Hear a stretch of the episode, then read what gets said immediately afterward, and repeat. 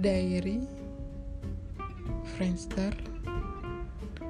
Facebook, Instagram, atau apalah lagi tuh namanya sosial media.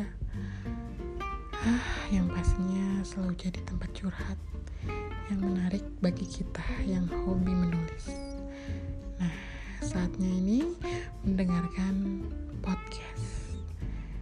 Hmm, beberapa bisa aku sharing di sini dari pengalaman pribadi, terus um, keluarga atau kerja dan teman-teman yang lainnya. Hmm, selamat mendengarkan.